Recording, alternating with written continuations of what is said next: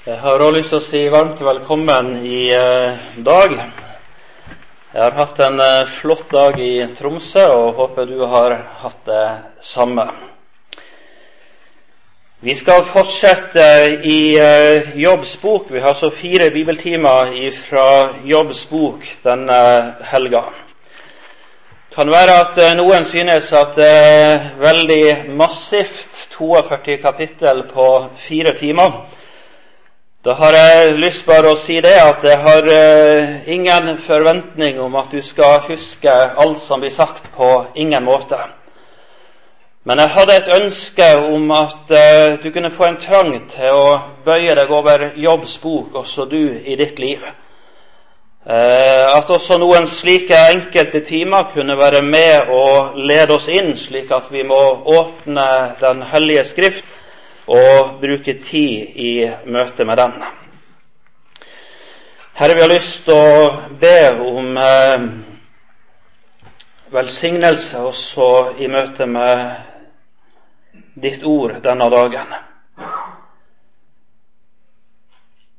Det står i en eh, salme Herre, at ditt navn, o Jesus, lokker meg, at jeg skal skynde meg til deg. Og så har vi lyst til å komme til deg. Takk for at vi skal få tro at du er en Gud som dekker bord for oss. Takk for at uh, du er her nå i henhold til ditt løfte. Og så ber vi, Herre, om å få et møte med deg i ditt ord. Amen. Ehm, jeg skal ikke bruke tid på å gjenta det som jeg sa i går, men vi brukte altså den første timen å si litt om jobb, hans eh, nød, hans smerte. Og vi brukte òg en del tid på å si at den dypeste nøden i jobb sitt liv, det som løftes fram i kapittel etter kapittel, det er noe mer enn det ytre tap, uansett hvor stort og forferdelig tungt det måtte være. Eh, vi møter jobb på dypt vann, der det handler om hans gudsforhold. Der han er opptatt om det virkelig kan finnes noe håp for en mann som han. Om det virkelig kan være tilgivelse for en slik som, som han.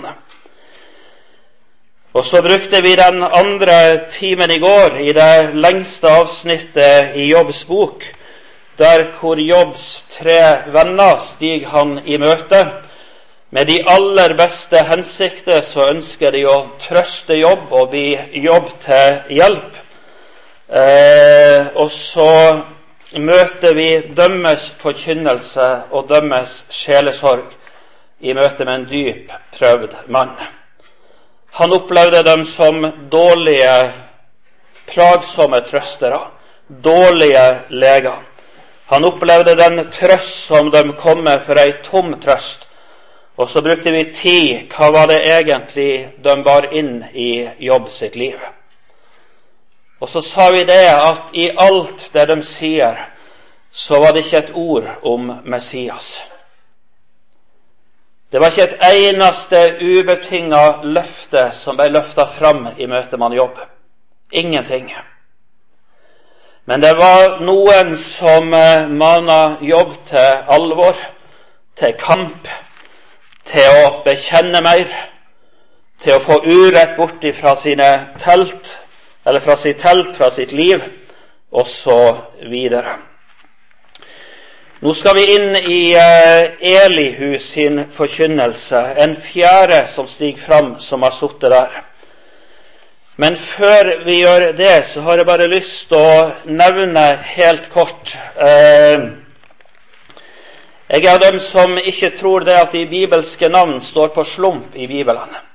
At det liksom er tilfeldig de navn som de bar. Bildad sitt navn, det betyr stridens sønn. Det finnes en liten bok som heter 'Navn i Bibelen'. Den må du gjerne få tak i der det står betydninga av de ulike navn. Bildad han bar navnet Stridens sønn. Og det skjønner vi når vi blir kjent med Bildad i Jobbs bok, at her er det en mann som virkelig har tatt sitt gudsliv på alvor.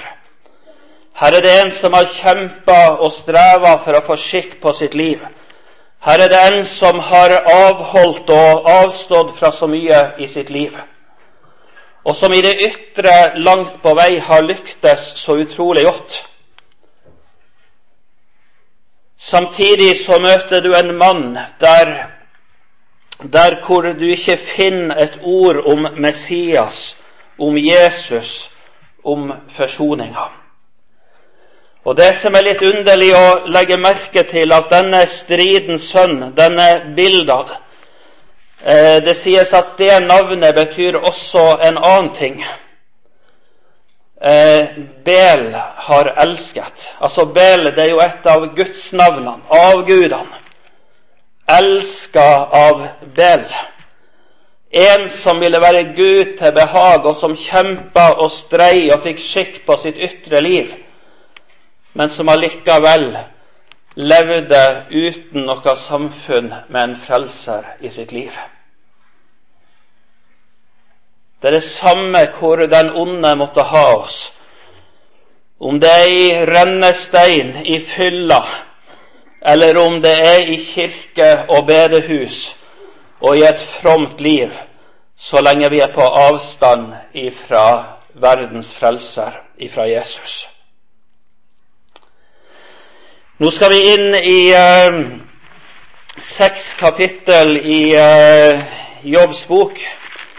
Kapittel 32 eh, til kapittel 37. Der møter du altså Elihu sin forkynnelse. Han har vært der uh, lenge. Han har sittet og lytta til de andre. Han har vært til stede. Det ser vi ut ifra det som han sier i kapittel 32.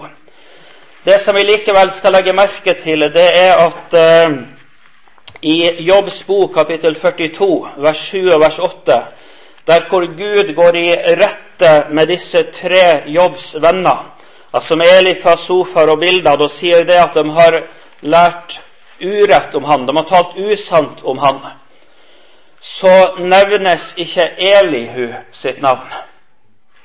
Altså, Gud går i rette med tre av de fire som har sittet og talt sammen med jobb.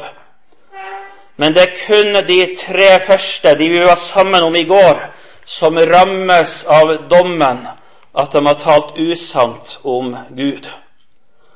Og det er noe som ansporer oss kanskje til å bøye oss over disse seks kapittel fra 32 til 37 og, og spørre men hva er det Elihu forkynner som var så annerledes enn det som de andre forkynner. På ett vis ved første øyekast så kan det se ut som det er akkurat det samme som bæres fram. Men jo mer man leser i disse kapittel, jo mer ser du at det er et helt annet sentrum i Elihu sin forkynnelse og i hans sjelesorg. Og Det skal vi komme tilbake til. Vi skal prøve å trekke ut noen små glimt av det. Eh, jeg har på ingen måte full eh, innsikt i det Elihu løfter fram. På ingen måte. Og jeg skal heller ikke berøre alt, men jeg har lyst til å ta fram noen trekk i alle fall. Eh, navnet Elihu det betyr 'han er Gud'. Altså ikke at Elihu er Gud, men selve navnet Elihu. Altså i møte med Elihu sitt navn så ble tanken leda oppover. Ikke innover i sitt eget hjerte, slik som Bildad, Sofar og Elifas tok jobb med igjen og igjen. Men Han er Gud, betyr navnet, og det leder tanken oppover. Det som eh, allikevel stansa ved, det er hans fars navn. Det står helt i begynnelsen av kapittel 2, 32 her det står det at han var sønn av Barak-El, av Rams ett. Barak-El det er et navn som betyr Gud velsigna. Altså I en vanlig heim med små barn Jeg vet ikke hva det ord som oftest sies, er i løpet av en dag. Hvordan er det hos Samuelsen? slags ord er det som ofte sies hjemme hos dere? Kanskje er det mamma eller pappa hvis han pappa er hjemme. Men du møter en Elihu som vokste opp, og hver eneste gang han sa 'pappa', så sa han et navn som betyr 'Gud velsigne'. Altså Hver gang han satte navn på sin far, så, han, så, så forkynte han det på et vis også inn i sitt eget liv at Gud, han er en Gud som velsigner. Og det er noe av spenninga, ikke både i jobb, bare i Jobbs bok, men også i hele Bibelen. Hvem er det Gud velsigner? Det er mange, mange som er overbevist at Gud velsigner den som er lydig. Og det er den store kamp for mange, mange å bli lydig nok, slik at jeg kan nås av Guds velsignelse. Og så møter du et bibelsk budskap om en Gud som velsigner den ugudelige. Ikke for sin ugudelighets skyld, men den ugudelige som kommer i all sin avmakt og nød og står foran Gud med skam og alt som har gått galt. Det er Han som velsignes i Bibelen. Den aronittiske velsignelse som løftes fram hver eneste søndag på kirke og bedehus, ikke bare i vårt land, men verden rundt. Altså Herren velsigne deg og bevare deg. Herren la sitt ansikt lyse over deg og være deg nådig. Den ble gitt inn i en kontekst der du leser om disse nasireerne som hadde brutt sitt løfte, som hadde skjemt ut hele sin innvielse hele sitt liv som hun skulle leve til ære for Gud. Du møter en flokk som står igjen bare med skit og skam og fall og synd i sitt liv. Og så gir Gud ei befaling om at velsignelsen må lyde inn i møte med disse.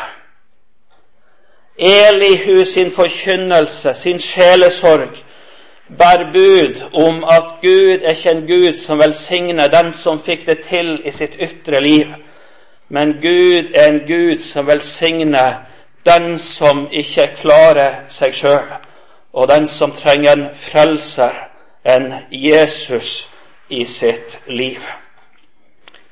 Husker du salmisten hva han sier? Salme 109, 28. Der taler han om eh, om Herren som står ved den fattiges høyre hånd for å frelse han ifra dem som dømmer hans sjel. Og så står det ei vidunderlig setning i vers 28. Der sier salmisten det sånn De forbanner, men du velsigner. De forbanner. Og det var ikke måte på hvor mange det var som hadde noe å si inn i salmisten sitt liv om hvor dårlig et eksempel han var, om hvor dårlig en mann han var, om hvor dårlig en far han var. Og så sier han det de forbanner, men du velsigner. Du velsigner. Nå skal vi inn i uh, kapittel 32. Eh, Jeg skal ikke lese hele kapittelet. Det kan du gjøre når du kommer hjem i kveld, om du har anledning. Men du møter en som har sittet der og lytta til disse tre andre. De var grå i håret, alle de tre. Elihu han var betydelig yngre. Han sier i vers 7 at han tenkte la alderen tale og de mange år forkynne visdom. Han sier det i vers 12 at 'jeg ga akt på dere'. Nei, vers 11 'jeg ventet på deres ord, jeg lyttet etter forstandig tale fra dere', mens dere grunnet på hva dere skulle si. Jeg ga akt på dere, men det var ingen av dere som gjendrev jobb, ingen som svarte på hans ord. Si ikke vi har funnet visdom hos ham. Og så sier Elihu bare Gud kan få bukt med ham, ikke noe menneske. Og Så sier han videre i vers 18 og 19.: For jeg er full av ord. Ånden i mitt indre driver meg. Mitt indre er som innestengt vin, som nyfylte skinnsekker vil det revne. Ånden i mitt indre driver meg. Vi stansa litt ved det i går òg. Jobb han spør jo i sin fortvilelse hvor henter dere det fra? Han spør sine tre venner hvor kommer det fra? Og så svarer altså en av disse at han henter sine ord i sin egen forstand. Hans innsikt legger han svaret i munnen. Hans egen ånd med liten å.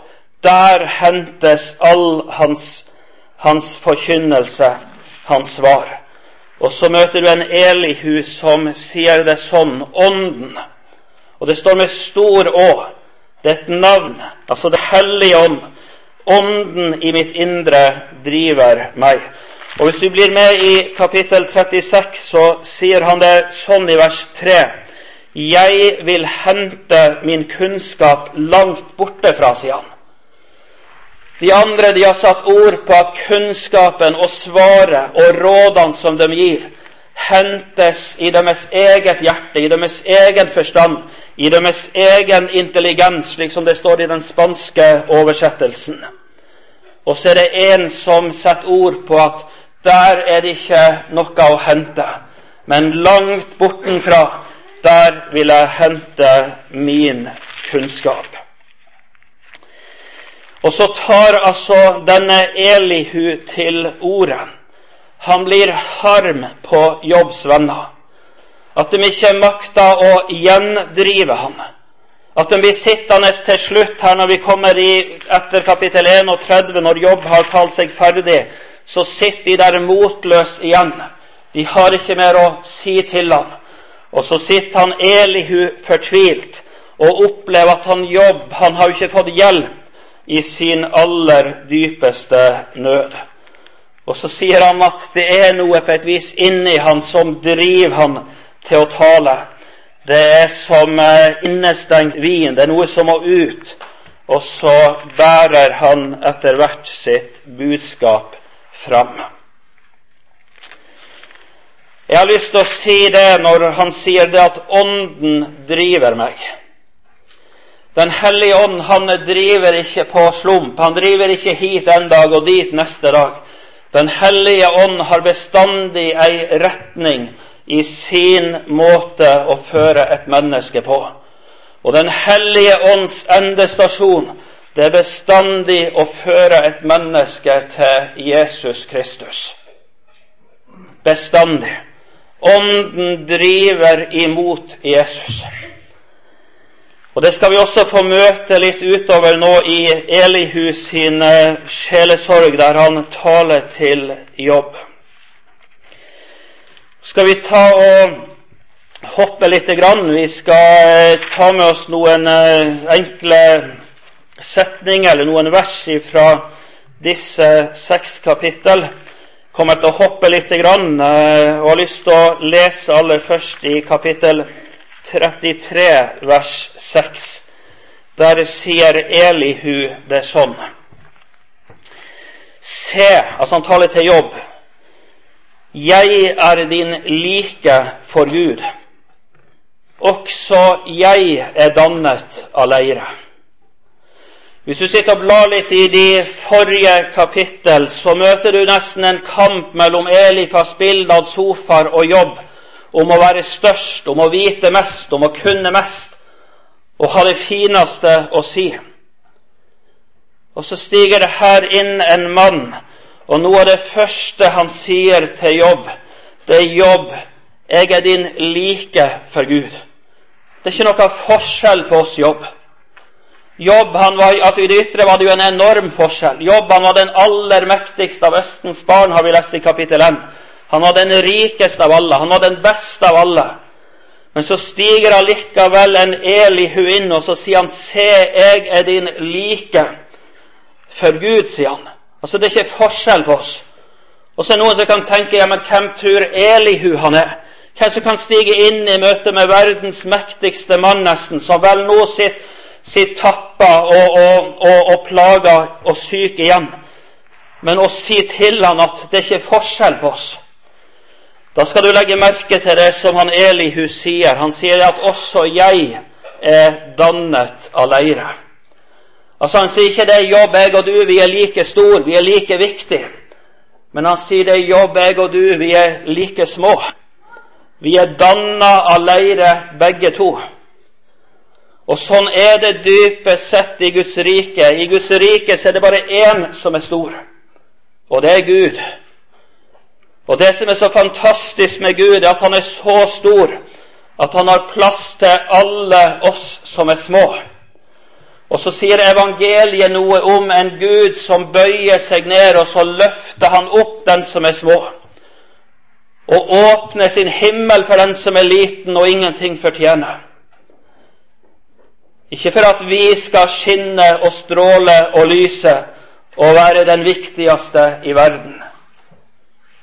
Det er bare én dypest sett i Guds rike som er stor, og det er Herren sjøl. Og det veit Elihu. Han sier det. Se, jeg er din like for Gud. Også jeg er dannet av leire. Gud er stor, sier han Elihu. Og vi forstår han ikke. Gud gjør storverk, sier han i kapittel 37, vers 5, og vi forstår det ikke.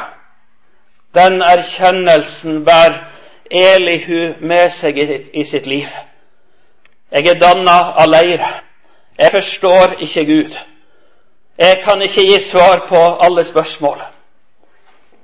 Men det er én som har svaret det er en som har visdommen, og den ligger i Gud sjøl. Og så skal vi sammen jobbe få søke Han. Jeg leser disse setningene i min bibel, og tanken går ofte til Jesaja kapittel 41.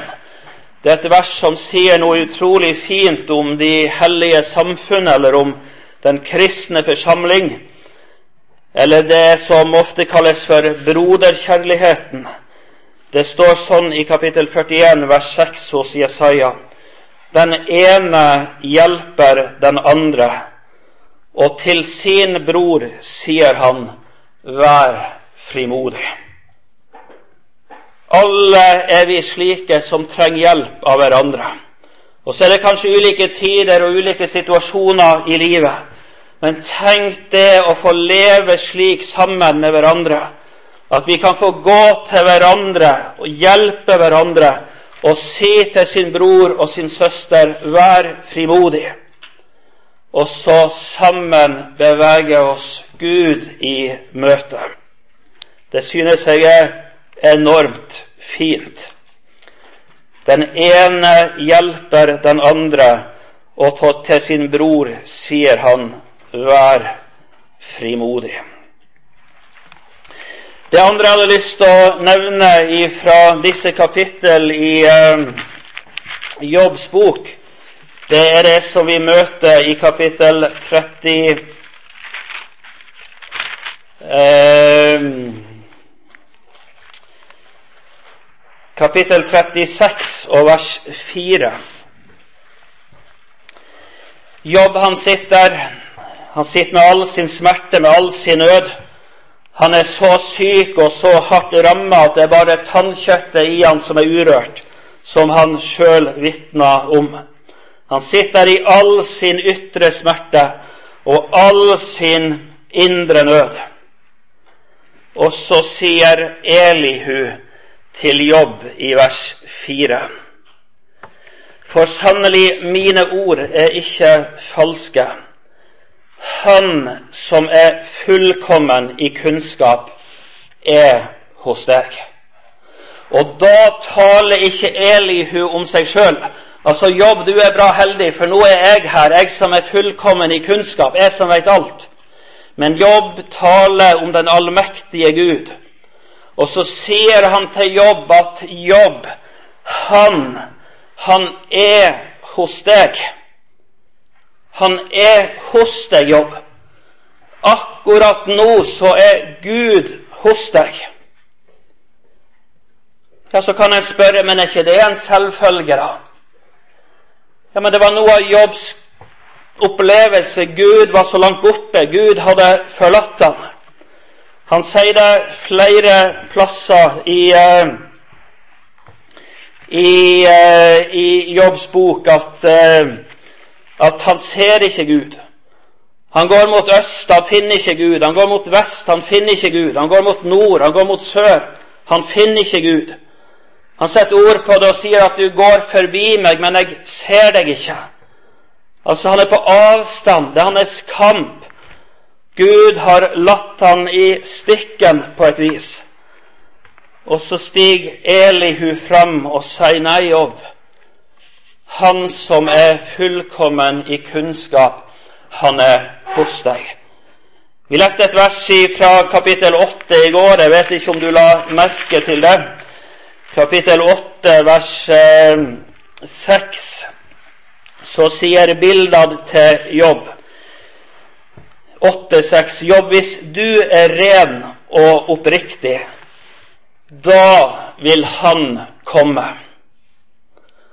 Hvis du er ren jobb, hvis du er oppriktig jobb, da vil han komme. Da vil han komme deg til hjelp. Men det var jo Jobb sin smerte ei tid av livet. Han var så urein. Han klarte ikke å bli ren.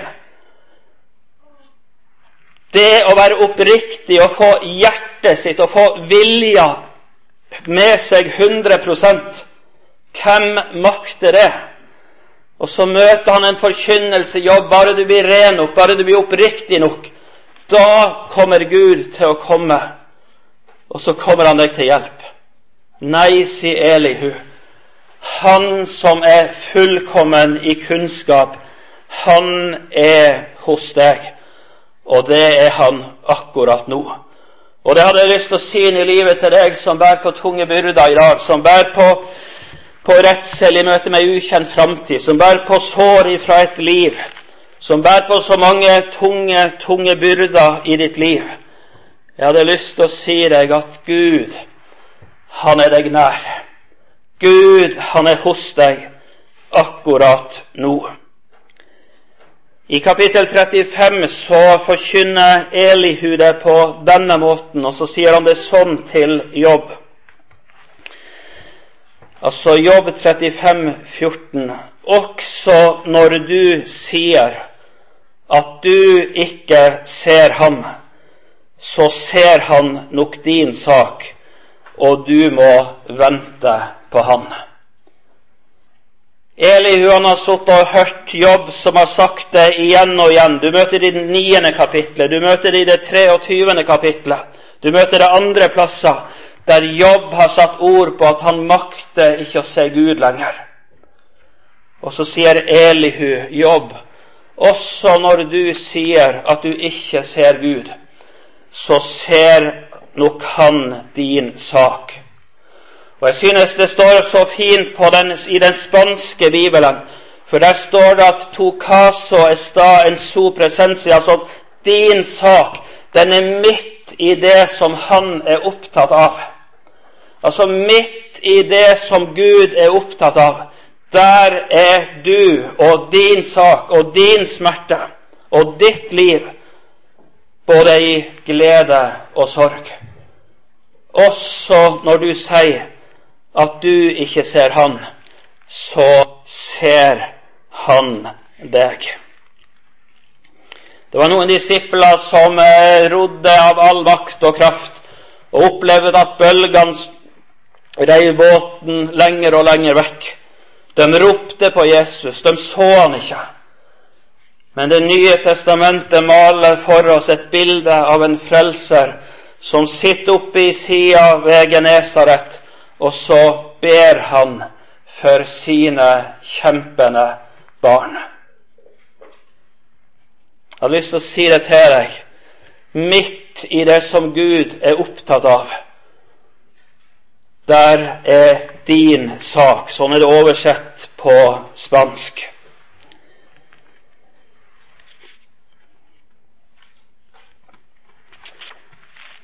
Vi har eh, møtt eh, en jobb som sa det at burde ikke den som har det vondt, møte kjærlighet ifra sin bror? Han opplevde at de var så hard med ham.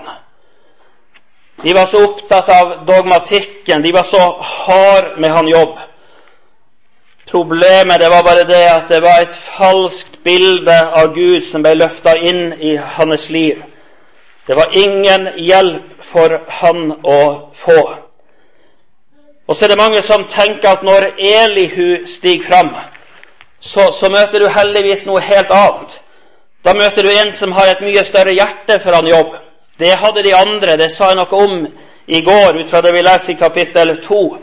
De som gråter når de ser ham. De var glad i han jobb. De hadde omsorg for ham. Men det er noen som tenker at nå kommer det plutselig en som virkelig forstår han jobb. En som liksom i stedet for å gå i rette med han, kan stryke han over hårene og liksom jatte med han på mange måter. Det har jeg lyst til å si at det møter du på ingen måte i disse kapitlene når Elihu stiger fram. Det var kanskje ingen av de som var så hard med han jobb som han Elihu var. Og jobb, han tar, nei, Elihu han tar jobb like inn i møte med hans egen synd, og han konfronterer jobb med det. Vi skal eh, se litt på, på det. Men du møter en mann som går i strupen på en jobb.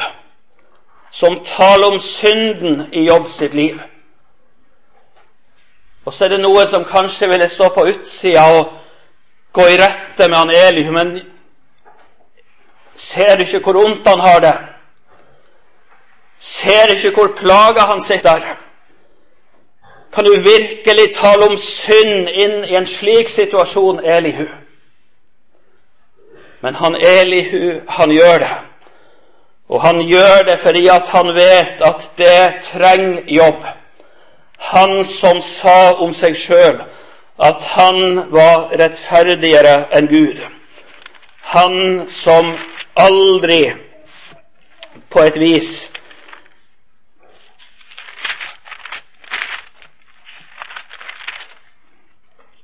Vi skal ta og lese i kapittel 33 og noen vers fra vers 8 og utover. Der sier han Elihu i jobb, sannelig, du har sagt mens jeg hørte det, slik lød ordene dine som jeg hørte. Og så står det kolon, og så siterer han jobb. Ren er jeg, uten skyld. Plettfri er jeg og fri for misgjerning. Men Gud søker grunn til fiendskap mot meg, han akter meg for sin fiende. Han setter mine føtter i stokken og vokter på alle mine veier. Og så er sitatet slutt. Og så sier Elihu, nei, svarer jeg deg, i dette har du ikke rett. Så gjendrives jobb. Vi blar til eh, kapittel 36.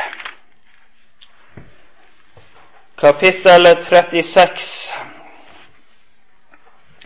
Der taler Jobb om en uh, Gud som vil bære en advarsel inn i menneskets liv. Og Du møter noen av de samme uttrykkene som vi kommer tilbake til her i kapittel 30, uh, 33, men det står i 36.10. Han vil åpne deres øre for advarselen og formane dem til å omvende seg fra det onde. Altså, det er en Gud som vil åpne våre ører og bære en advarsel inn i våre liv, slik at ikke vi fortsetter vår vandring på vår egen vei, i våre egne tanker, i vår egen forstand men at vi kan omvende oss til Gud og søke Hans vei, Hans tanke. Det står videre i eh, kapittel 31, 34-31. For har vel et slikt menneske noen sagt, gang sagt til Gud, jeg har vært overmodig, heretter vil jeg ikke gjøre det som er ondt. Det jeg ikke ser, når du lærer meg. Har jeg gjort urett, så vil jeg ikke gjøre det mer. Hvor er det mennesket som sier det? Det står i det ordspråken eller forkynneren som sier at alle en manns veier er rette i hans egne øyne. Hvor er den mann som vil si det til Gud? Det jeg ikke ser, det må du lære meg. Har jeg gjort urett, så vil jeg ikke gjøre det mer. Heretter vil jeg ikke gjøre det som er ondt. Det er menneskets problem. Vi vil leve på vår egen vei. Vi vil leve ut ifra det som vi sjøl synes er rett. Vi vil ikke møte det ord som skal drive oss bort ifra våre egne syndige vaner og lyster. Men det er en Gud som vil åpne vårt øre og bære advarselen inn om at vi må omvende oss mens det er tid. Slik taler Elihu inn i Jobb sitt liv. Og Vi blar tilbake i kapittel 33, her hvor vi leste ifra. Der hvor eh, vi leser videre ifra vers 14 og utover. 33, 14. Hvorfor går eh, 14, ja. Men én gang taler Gud, ja, to ganger hvis mennesket ikke akter på det. I drømmer, i syner om natten, når dyp søvn faller på menneskene, når de slumrer på sitt leie. Da åpner han deres ører og trykker sitt seil på advarselen til dem for å få mennesket til å la sin gjerning fare, for å utrydde overmotet hos mannen, for å frelse hans sjel fra graven og hans liv fra å bli gjennomboret av spyr. Mennesket tuktes også med smerter på sitt leie, og en stadig uro går gjennom marg og bein. Jobb, han sa det at Gud er ute etter meg. Gud, han vil ødelegge meg. Gud, han søker grunn til fiendskap med meg. Nei, sier Elihu, i dette har du ikke rett. Og så taler Elihu videre utover kapitlet og i boka om at alt det Gud gjør, det gjør han for å søke et menneskes frelse. Også når det tales om synd, om alvor og omvendelse inn i våre liv, så er det for at mennesket skal bli frelst. Og så er det noe forunderlig. Gud, han vil frelse. Nei, Gud, han vil ødelegge, sa Jobb. Gud vil frelses sier Elihu. Nei, Gud søker fiendskap mot meg. Nei, sier Elihu. Gud, han vil frelse. Og så tar han jobb med seg like inn i forsoningens dybda i resten av kapittel 33. Han tar jobb med inn i forsoninga og viser på et vis hva Gud gjør for at et menneske skal bli frelst. Ja, står det om forsoninga i Jobbs bok kapittel 34. Det er ikke så lett kanskje å se det, men vi skal ta og lese litt videre her. Det står det fra vers 21, da vi stoppa i stad. Hans kjøtt høres bort så en ikke ser det mer og hans ben som en før ikke så, ligger bare. Hans sjel kommer nær til graven, og hans liv til dødens engler. Er det da hos ham en engel, en tolk, en av tusen, som forkynner mennesket dets rette vei? Da ynkes Gud over ham og sier, Fri ham fra å fare ned i graven. Jeg har fått løsepenger. Skal vi stoppe her litt? Legg merke til det. Jobb han så for seg en Gud som gleda seg over å, å, å, å riste i ham. Som søkte liksom å få dytte Jobb ut i ulykka. Men så sier Bibelen her gjennom Elihus forkynnelse at det er en Gud som ynkes over mennesket. Som ligger der i sin hjelpeløshet.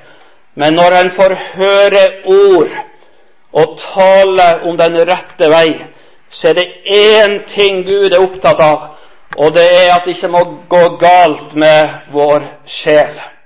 At det må bli til frelse for oss. Da ynkes Gud over ham. Og Da står ikke Gud og ler over den det har gått galt for. Da står han ikke og, og, og liksom smiler over den som ikke klarte det og ikke lyktes. Men da gråter Gud, da ynkes Gud. Fordi at han er så opptatt av at vi må få skjønne det at den frelse som Han har stelt i stand for oss, den er så rik at den også makter å berge den aller, aller største synder i denne verden. Og så sier Gud til Jobb gjennom Elihu jeg har fått løsepenger. Ja, men det handler jo ikke om forsoninga. Jo, det gjør det. For sentrum i hele den kristne forsoning, det er løsepengene. Det er løsepenger. Jesus sier det om sitt komme til verden. Eh, så sier han det at menneskesønnen er ikke kommet for å la seg tjene, men for selv å tjene og gi sitt liv som en løsepenge i manges sted. Og Skulle du stusse på det uttrykket 'å gi sitt liv som en løsepenge i mange sted', så eh, skal du slå opp i 1. Timoteus 2,6. Der står det Jesus, han som ga sitt liv som en løsepenge for Hva står det for? Han som ga sitt liv som en løsepenge for for den lydige, for den flinke. Han som ga sitt liv som en løsepenge for alle, står det. Husker du Jobb når han satt der og vitna i kapittel 19? Han sier at 'jeg vet at min gjenløser lever'. Gjenløseren, det var han som bar fram løsepengen. Gjenløseren, det var han som fridde den skyldige ut fra all hans skyld. Gjenløseren, det var den som satte slaven i frihet. Gjenløseren var den som kom nær og ordna saken for den som det hadde gått galt med. Og løsepengen, det var den prisen som ble båret fram for at ingen krav lenger skulle ligge over den som hadde rota det til i sitt liv. Jeg vet at min gjenløser lever, står det. Det er noen som mener det at Jobbs bok det er den eldste boka i Bibelen den eldste boka i Bibelen. Likevel så har Jobb fått noe åpenbart i møte med sin Gud, at det finnes en gjenløser. Og så er det en Elihu som tegner bilde av en Gud, som ynkes og sier 'fri ham fra å fare ned i graven'. Jeg har fått løsepenger. Det står et kapittel i Det gamle testamentet om uh, løsepengen. Andre Mosebok, kapittel 30. Der ser du også noe av løsepengen sin funksjon. Det var den sum, eller det som skulle til for at et menneske skulle få ha sitt navn i Israels manntall. Det å få lov å ha sin plass blant Guds folk, det hadde sin grunn i en løsepenge som ble båret fram. Jeg var ikke innom det i går, men Elifas, Bildad og Sofar de maner fram det beste i jobb, slik at han skal få løfte det fram og vise Gud det, og få lov å tro seg som et Guds barn i møte med det livet han har levd, eller fruktene som har vokst fram i hans liv. Og så sier Gud, 'Jeg har fått løsepenger'. Kanskje du sitter og strever med det, bli god nok, bli from nok, bli hellig nok for å kunne tro deg som en del av Guds forsamling. Og så ropes det ut ifra Jobb 33, 24 at Gud, han har fått løsepenger. Og så er vårt strev intet verd. Alt det du jakter etter og trenger i ditt kristenliv, det har Jesus kommet med inn i vår verden og inn i møte med oss. Og så ynkes Gud over oss. Og så vil han at vi må forstå det, at alt det han krever, det har han fått i sin sønn. Det er en sang i sangboka som begynner sånn Guds altar på jorda var Frelserens kross. Der står det i et vers Gud ynkast det fineste Han hadde skapt lå knust under synda, var evig fortapt. Og så begynner sangeren å peke på forsoningsverket, på løsepengen, og sier noe om Han som kjøpte oss fri ifra alt det. Han, står, han sier det videre her, Elihu, at Gud gir mennesket dets rettferdighet tilbake. Gud gir, sier Elihu. Det har stått noen og forkynt inn i jobb sitt liv om alt det Gud krever, alt det Gud venter. Alt det Gud på et vis higer etter i oss. Og så står det en mann fram og taler om Guds gave. Gud gir, sier han. Han sier ikke bare 'Gud ga', men 'Gud gir'. Altså det står i nåtid, i presens, altså akkurat nå, så er det en Gud som gir. Og hva er det Gud gir? Han gir mennesket den rettferdighet som vi trenger om vi skal bli stående i Guds dom. Den finnes ikke i vår egen lydighet. Den finnes i Jesu fullkomne liv. Og så rekkes den rettferdighet som en gave inn til oss. Og så roper Gud til oss at alt det du trenger for å få ha din plass blant Guds barn, for å være et Guds barn, for å få en himmel som ditt hjem, og ha Jesus som din frelser, det er allerede på plass. Det er på plass. Det er der, og så rekkes det som en gave. Og så løftes det et vitnesbyrd fram videre utover denne, i dette kapitlet. Den som synger for menneskene og sier 'Jeg hadde syndet og gjort det rette kroket'. Jeg hadde gjort det rette kroka. Altså Det advarer Bibelen om. Vi skal ikke gjøre det rette kroka. Vi skal ikke kalle det gode for ondt og det onde for godt. Her er det en som står og vitner om noe som har skjedd i hans liv. Det som skulle vært det har han gjort krokete. Han har synda imot Gud. Men så sier han det, men han gjengjeldte meg det ikke. Han har fridd min sjel, sier han videre i kapittel 33 og vers 28. Det er et vitnesbyrd som lyder jeg hadde synda, men Jesus, han har frelst meg. Han gjengjeldte meg det ikke. Han har fridd min sjel. Siste del av kapittelet, vers 31. Gi akt jobb. Hør på meg. Vær stille så jeg får tale. Og så skal du høre. Vers 32. Jobb, har du ord, så svar meg. Tal, står det med utropstegn. Jobb. Har du ord, så tal. Taljobb. Jeg vet ikke om du har merket til det, disse kapittel fra 4 til 31 det er jo en samtale mellom Jobbs venner og Jobb. Hver gang Elifas er ferdig med å tale, så har han Jobb trang til å si noe. Hver gang Bildad og Sofar er ferdig med å tale, så er Jobb snar til å ta ordet. Da har han noe å si. Da har han noe å, å, å, å si til dem. Men når Elihu sier det til ham 'Nå skal du få tale, Jobb. Nå skal jeg høre. Nå må du tale.' Da er Jobb stille. Da sier han ikke noe. Jobb, han har, han har ikke trang til å si noe. Men han har trang til å høre mer. Han har hørt noe nytt. Han har hørt noe som på et vis har ledet ham tilbake i de aller lyseste øyeblikk i livet, når han fikk se sin frelser, sin gjenløser, når alt hans blikk var vendt imot det høye. Og så er det noe som har fått retta blikket hans oppover igjen. Det er talt noe om at Gud har fått det han krever. Og så, og så vil Jobb bare høre mer. Han vil høre enda mer.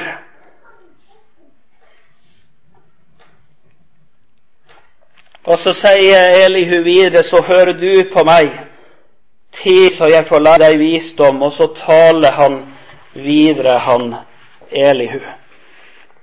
Og nå var det mange ting jeg gjerne skulle ha tatt fram. Jeg ser tida har gått omtrent. Jeg har bare lyst til å lese tre vers til fra Jobbs bok som viser noe av den forkynnelse som han Elihu bærer inn i Jobb sitt liv. Da har jeg lyst til å lese først fra kapittel 35 og vers 4. Der står det sånn i Jobb. Vend ditt øye mot himmelen og se. Vend ditt øye mot himmelen og se. Jeg vet ikke du som sitter på eh, stolen her i kveld. Hvor er ditt blikk festa? Vi har så utrolig lett for igjen og igjen og igjen grave og leite etter noe fint i vårt liv. Etter frukt som skulle vise at det virkelig var vår omvendelse verdig. Etter frukt som stiger fram i livet, som kunne vise oss at vi var sanne Guds barn. Vi leiter og graver og kaver med oss sjøl. Vi er så innkrøkla i oss sjøl. Og det er det den forkynnelsen som vi møtte i disse andre kapittel, igjen og igjen gjør. Den tar jobb bare med inn i seg sjøl. Aldri en pekefinger oppover. Og så ble Jobb så fortvilt, og så ble han etter hvert så hard, og så ble han så lukka, og så ble han så full av forakt i møte med de andre. Og så ble han så rettferdig i sine egne øyne, som vi var innom i slutten av gårsdagen. Og så kommer det en, og så sier han til Jobb Vend ditt øye mot himmelen og se. Hva ser han da? Hva ser han da? Han sa det jo i vers 16. Mitt øye det er fullt av det rødt av gråta, men det ser oppover. Det ser mot Gud. Og så så han sin talsmann så så han sin gjenløser. Han gikk i rette med de andre. De, de kom med så tom ei trøst i møte med han. Og vi, vi vil ofte trøste hverandre med, med, med å si og peke på de ytre omstendigheter. At de kommer sikkert til å bli annerledes etter hvert. De kommer sikkert til å endre seg. Den som har forferdelig vondt, barnet som ligger og gråter i sin smerte, så skal vi inn og trøste, oss, og sier vi så ofte at ja, men men det, det, det, blir nok bedre, det går over. Eller den som har mista arbeid, opplever at økonomien er i fritt fall. Så, så går vi inn og så skal vi trøste og så sier vi at det dukker nok opp et, et, et, et annet tilbud om arbeid. Eller en ny jente for den som sitter knust i, i kjærlighetssorg. Men all vår trøst den fokuseres ofte på at de ytre omstendighetene skal bli annerledes. Sånn trøster aldri Guds ord. Det er ikke sikkert at de ytre omstendighetene blir annerledes i ditt liv. Det kan de bli. Gud, for han er allting mulig. Men det er noen som må bære sykdom et helt liv fra vugge til grav. Det er noen som må leve og oppleve ensomhet livet igjennom. Det er ikke sikkert at de ytre omstendighetene blir annerledes. Men Guds trøst beror seg aldri heller på at de ytre omstendigheter skal bli annerledes. Du blar deg inn i Jesaja, trøst, trøst, trøst mitt folk. Og så møter du igjen handa som peker oppover. Se, der er deres Gud. Du møter det på nytt og på nytt i Bibelen. Når Gud skal trøste, så vil han vende blikket vårt imot hvem Gud er, hvordan han er. Han har fått alt som kreves. Han er hos deg. Han elsker deg, både når du roper imot han, og når du takker han. Han er glad i deg både når det går godt, og når det går dårlig. Og så vil han ha deg i sitt samfunn, der han får rense deg i sitt blod. Vend ditt øye mot himmelen og se. Jobb 35, 4. 37,14 så står det sånn Jobb. Vend ditt øre til rette jobb. Stå stille og gi akt på Guds under. Stå stille og gi akt på Guds under. Det bibelverset hadde vi skrevet på, på, på kirka i Santa Cruz, der vi var etter å ha fått kjøpt et nytt kirkelokale. Stå stille og gi akt på Guds under. Vår store Gud gjør store under. Det største har han gjort mot meg. Den dag han kastet mine synder i nådehavet bakom seg, og meg utvalgte til sin Gud. O du forunderlige Gud. Og så leit han etter sin brud iblant de vellykka og fine. Men han bar sitt kall inn i vårt liv òg om å få være Jesu brud. Det kan ingen ta fra deg.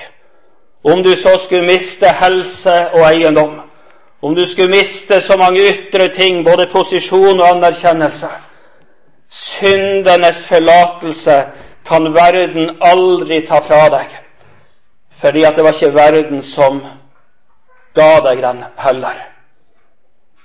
Det evige liv kan verden aldri ta fra deg der du er hos Jesus. Det var ikke verden som rakte deg det. Det siste bibelverset det er i kapittel 36 og vers 24. Eh, Der står det slik Husk på å opphøye Hans gjerning, den som menneskene har sunget om. Husk å opphøye Hans gjerning. Ja, var det noe å si inn i livet den som satt der sjuk og skrøpelig og fortvilt? Nå må du tenke på Guds gjerning. Nå må du løfte den opp for dine øyne. Ja, det var det han trengte mer enn noe annet, han jobb. Å få glemme seg sjøl, å få glemme sin smerte en stund, og bare få se inn i Guds frelsende, kjærlige gjerning for oss.